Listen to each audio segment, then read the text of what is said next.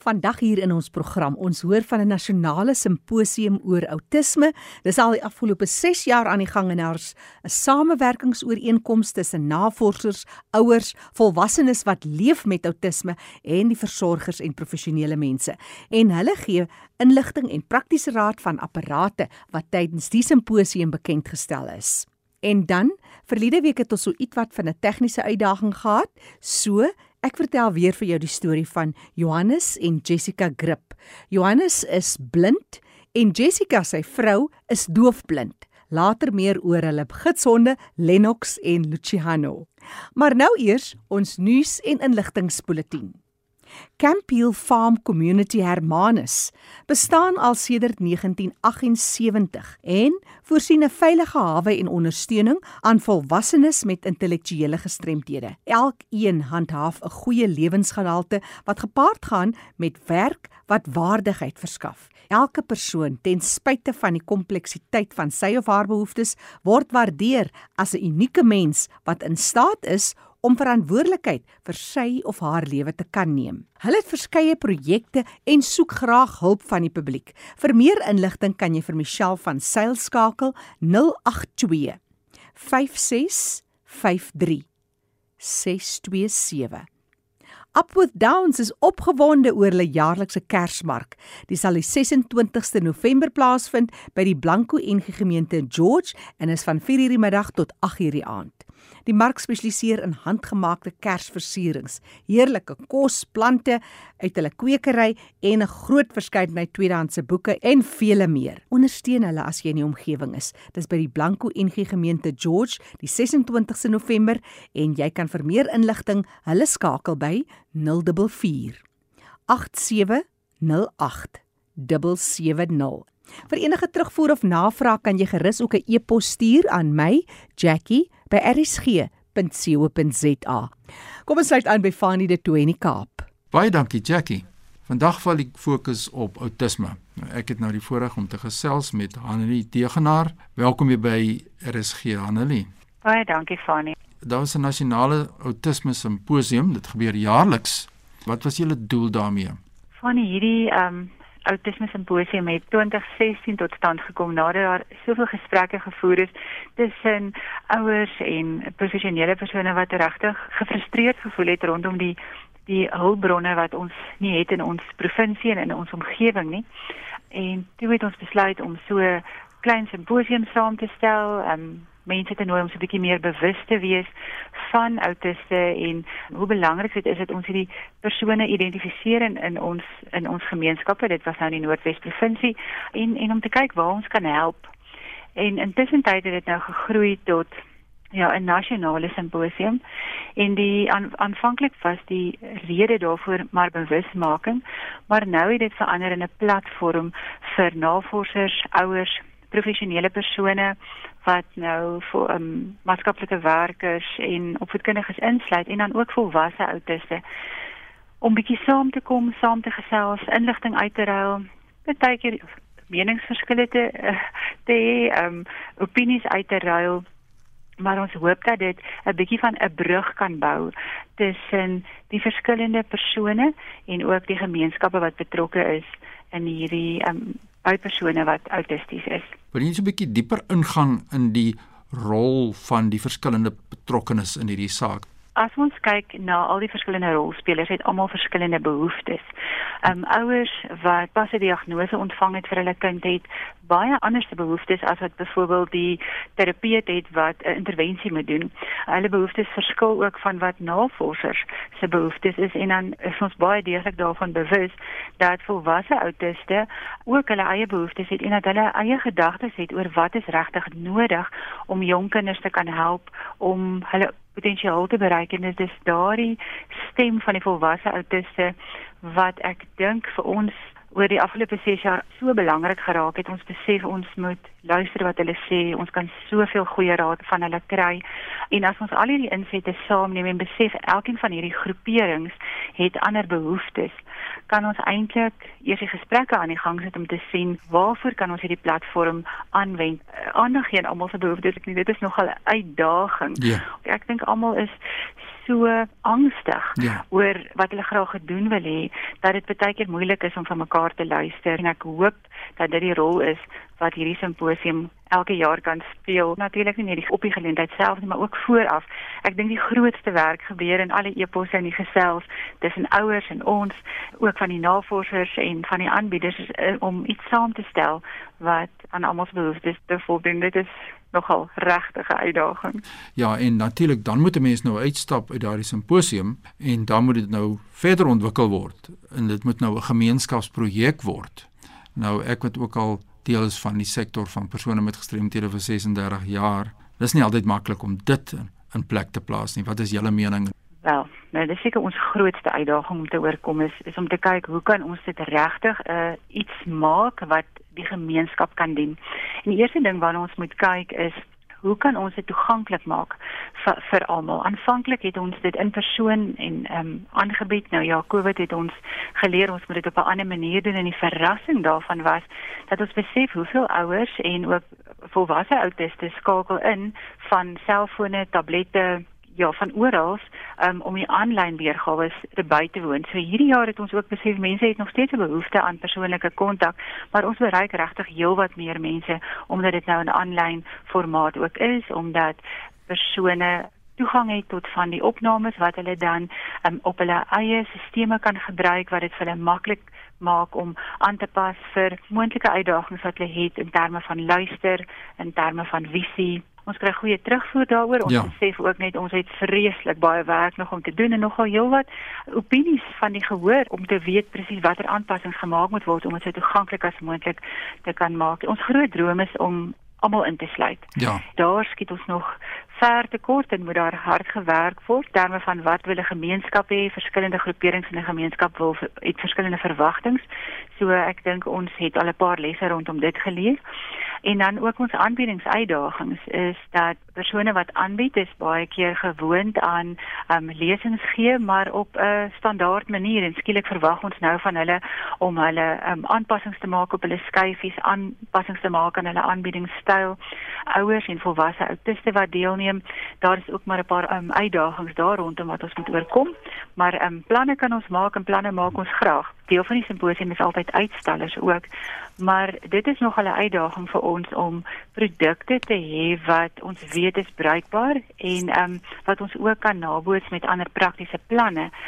Want um, so ons maak baie staat op ouers en volwasse outiste om vir ons te bel besluit watter uitstallers ons kan kan gebruik watter produkte is regtig bruikbaar sodat wanneer ons dit wie tydens die geleentheid aan mense bekendstel dat ons weet dit gaan produkte wees wat regtig kan help en ook waarvan die verskaffers daarvan nie omgee as dit wat soms help om praktiese planne vir persone wat dalk nie die produk kan bekostig nie te maak sodat hulle soortgelyke iets tuis kan doen. So dit is ook 'n uh, 'n uh, uitdaging om dit reg ja. te kry en ons groot droom is om werkgewers in te sluit by hierdie simposium want ons ons kon dit nog nie reg kry nie.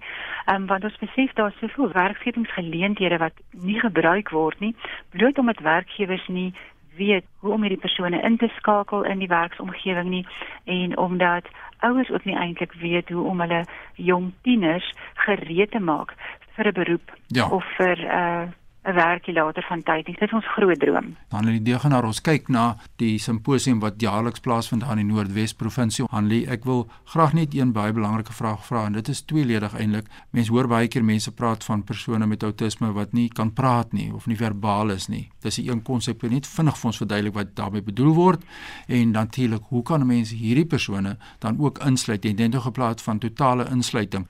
Wel, ek dink mens moet besef dat 'n autistiese persoon wat nie praat nie of nie verbaal is nie, dit beteken nie die persoon het baie waardevolle gedagtes en idees om met ons uit te ruil nie en kan soms omdat hulle kommunikasie moeilik is, um, word dikwels nie ingesluit ja. in um, omgewings nie. En ek dink dit is vir ons belangrik is om te kan sê maak nie saak op watter manier 'n persoon kommunikeer of hulle met 'n alternatiewe kommunikasiesisteem kommunikeer of hulle met simboolstelsels kommunikeer wat ook al die kommunikasiemetode is ons wil graag met hierdie ouers of persone kontak maak om gesprekke aan die gang te kry. Ons het soveel um, opname tegnologie wat mense beskikking het om dit moontlik te maak vir hierdie persone om hulle boodskap op die nasionale simposium te gee want dit is moeilik en 'n uitdaging as jy moet kompeteer met persone wat gewoond is om, om elke dag lesings te gee. So ons moet maniere vind om dit vir hulle ook maklik te maak want weer eens ons uitgangspunt is hulle stemme is ongelooflik belangrik. Absoluut. Um, Absoluut. Skep van hierdie platform. Want ons leer by mense se belewennisse en mense se ervaring. Nou goed, ons het nou gehoor die simposium is verby. Ons bou haar weer op seker saam met julle na die volgende jaar sinne en Jy is natuurlik ook 'n terapeut. Gee ons net 'n bietjie agtergrond vinnig oor jouself en dan gee vir ons die kontakbesonderhede as daar mense is wat nou belangstel wat nou dalk vir volgende jaar en ook daar hulp nodig het vandag waar ook hulle self in Suid-Afrika bevind. Iemand 'n ouer wie se kind met outisme gediagnoseer is. Wat gee sê jy vir ons daar? Kan ek kan ek begin met die laaste deel van die vraag en sê waar kan ouers uh, hulp en kontak kry? Ek dink dat om Autisme Suid-Afrika te kontak is altyd seker die beste eerste stap om te neem want hulle kan ouers in die regte rigting um, stuur. Die ander ding is dat ons baie opgewonde is die feit dat hierdie nasionale simposium nou hulle eie webwerf het.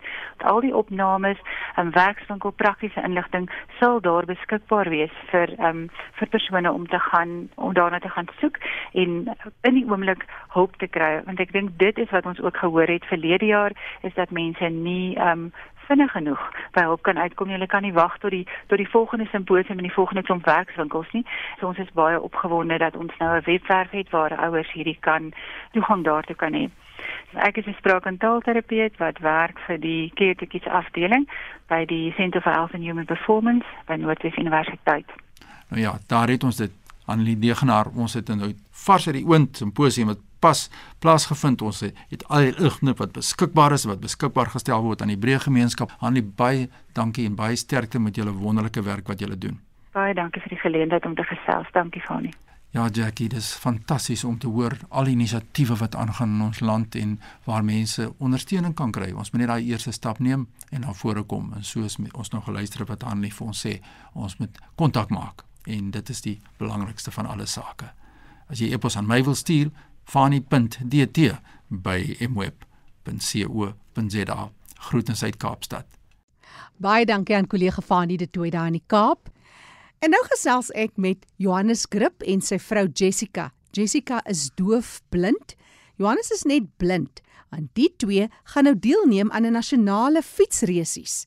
Maar Johannes vertel eers van op hoe 'n laat ouderdom hy vir die eerste keer 'n gidshond in die hande gekry het, want dit is juis ter bewusmaking en fondsinsameling van gidshonde wat die twee die pedale gaan trap. Op die ouderdom van 35 het ek gegaan vir my eerste gidshond en ek vind dat die gidshond help vir my baie met sosiale situasies. Mense kom makliker na jou toe en praat met jou en hanteer jou normaal. Waar as jy met 'n wit kierie straat wil kruis, dan kom die ouens net gryp die kierie en ruk jou oor die straat. Ja, jy's nou gehelp. Baie dankie. Johannes, dis 'n baie spesiale en besondere hulp vir persone met siggestremthede of blindheid. Vertel ons van jou spesiale verhouding met jou gidsond. Die gidsonde het persoonlikhede van hulle eie. Dit nou Lennox, my gidsond, as hy, as hy sien jy lyk of jy bietjie aandag nodig het, dan sal hy na jou toe gaan en vir jou 'n lek gee aan jou hand of wat ook al en net net vir jou so 'n bietjie opcheer. Hy het 'n baie pragtige persoonlikheid. Johannes, jou gidshond in vergelyking met 'n wit kierie. Wat sê jy vir ons? Wat kies jy? Die gidshond in vergelyking met 'n wit kierie, jy kan baie vinniger stap. Jy val nie in oop gate waar daar nie manholes deksels en goeters oor is nie. Jy loop nie in palle vas nie. Die hond help vir jou mooi om die goeters. Karre wat oor sy paadjies geparkeer is. Ek het baie kieries afgeskryf onder karre in waar die kierie gaan vashakkie daar. Lennox sien daai kar al baie ver en dan besluit hy nee, okay, wat is die maklikste pad? Hy vat die pad. Daar's geen moeilikheid nie. Enige tyd van die dag, hy is gereed om te werk. Johannes, maar vertel my, jy en jou vrou Jessica het nou besluit om 'n heeltemal 'n ander ding aan te pak. Vertel ons meer daaroor. Ek en my vrou Jessica is albei totaal blind. Ons het besluit of Jessica altans so 'n paar jaar gelede al wou sy baie graag die 94.7 doen. Hier in 2017 was sy in fiksheidsgewys op haar piek ons kon toe net nie loodse kry om saam met ons op die tandem te ry nie want op die stadium het ons nog uh, drywers nodig. En nou 2021 toe kontak Tammy Visagie vir Jessica en Tammy bied toe aan maar wil Jessica nie saam met haar en op die tandem doen nie om fondse in te samel vir die gesond vereniging van Suid-Afrika. En Jessica sê toe ja, maar uh, Johannes wil ook baie graag. En Tammy sê nee maar, dis nie 'n probleem nie. Donovan Roscoe, hy sê hy ry graag saam met hom. So toe swap ons nou loodse. So Jessica gaan nou saam met Donovan ry en ek gaan saam met Tammy ry. Die logika is maar net dat ons die die wringkrag 'n bietjie versprei want ek en Donovan sal hoogs waarskynlik eh, so 'n bietjie vinniger kan trap as as Jessica en Tammy. Toe dag ons net okay, ons mix dit op en dan kan ons nou as 'n span saam ry. Ons hoef nou nie resies te jaag nie. Ons gaan om om die fietsryery te geniet en Donovan se een vriend Alex, hy gaan op 'n gewone fiets en hy gaan vir ons chaperone. Hy gaan kyk dat daar nie ernstige breakdowns of uh, morele breakdowns is dat ons um, moed verloor vir hierdie groot resies nie. Ons het nou al 'n paar keer hier by uh, Cradle of Humankind. Ek uh, grap altyd dan sê Cradle of Unkind Humans want uh, partykeer kry jy van hulle ook. Maar ons is baie gelukkig. Ons ons is geseën dat ons meer met die kind humans te mekaar is as met die unkind kind. so ons is baie dankbaar daarvoor. Dit is baie moeilik om 'n doelwit te stel want dit gaan verskriklik oor bemarking, bewusmaking. As jy vir iemand verduidelik nee maar dis 'n gesond hy hy het 'n harnas op en hy word in restaurante en vliegtye en oral toegelaat. Hy's jou oë dan wow, great. Dit is dis hy awestruck moment, maar dan sodra hulle sien o, ja, die ou is blind, die die persepsie wat mense het baie keer word daar bewusmaking gedoen en jy blinddoek iemand miskien vir 5 minute en hy haal die blinddoek af en okay, wow, dit was nou so en so ervaring, maar nou is dit verby. Nou kan ek weer sien, nou gaan my lewe aan en out of sight, out of mind. So dit is maar ons poging om 'n bietjie fondse in te samel. Hoe meer die gesond vereniging hoe sterker hulle bankbalans is, hoe, hoe beter kan hulle hulle kliënte bedien. Daar's ongelukkig goed soos veeartsrekeninge. Ek wil nou nie in geïtemiseerde rekeninge ingaan nie, maar joh, dit kan baie vinnig baie hoog raak. Koste is net iets wat bitter moeilik is om vas te pen en dit kan ook net vir so lank dieselfde bly voor inflasie intree. Johannes Grip, Jessica, vertel ons baie kortliks jou storie. Ek is al van geboorte heeltemal blind en ek het 30% gehoor, so ek dra gehoorapparate. Ek het al 3 gidsonde gehad. My derde een se naam is Lucia wat Christine gepappie walk het. Pappie walking is basies as jy honde 6 weke oud is, dan gaan hulle na 'n vrywillige toe om die basiese opleiding te kry, soos om te sit, te staan en om toilet toe te gaan op 'n lead. En dan as hulle jaar oud is, dan gaan hulle terug het sonde toe waar hulle opgelei word vir ons. Dit is nogals baie mooi hoe hulle die honde met die um eienaar pas. Ons sê gewoonlik altyd so na 6 maande wat jy die hond het, kan jy die eienaar en die hond sien. My gesondheidjie sy weet ek kan nie lekker hoor nie. So as mense na die huis toe kom, dan sal sy so een keer blaf. As hulle nie die voor die klokkie lê nie, dan weet ek okay, ek moet gaan kyk of daar iemand daar is. Sy is baie sensitief as jy loop in die straat.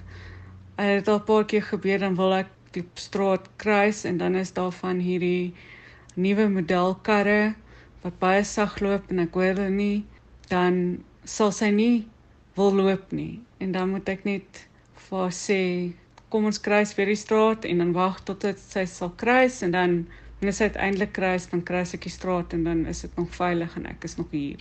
Jessica in jou geval is jou gesond jou oë en jou ore, maar daar's tog sekere uitdagings ook by die versorging van sulke honde.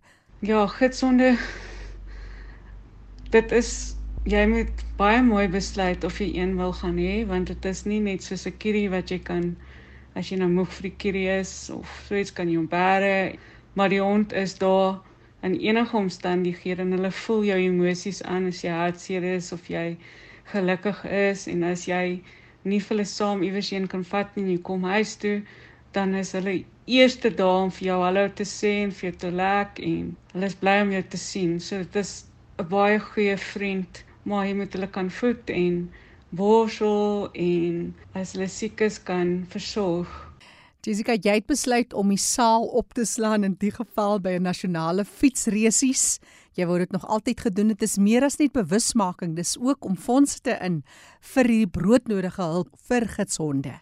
Ja, ek wou dit nog altyd gedoen het. Ek is mal oor die buitelewe en oefening en goed te doen buite, maar as jy blind is en gehoor gestremd is, het jy no iemand nodig wat jou verstaan dat jy nie altyd antwoord as hulle iets sê nie dat dit nie is omdat jy kwaad vir hulle is nie, maar jy het net nie vir hulle gehoor nie en dat jy kan kommunikeer tussen die twee. Ek en my man het 'n ding as hy vir my iets sê, dan moet ek dit herhaal. Jy weet ek het hom gehoor.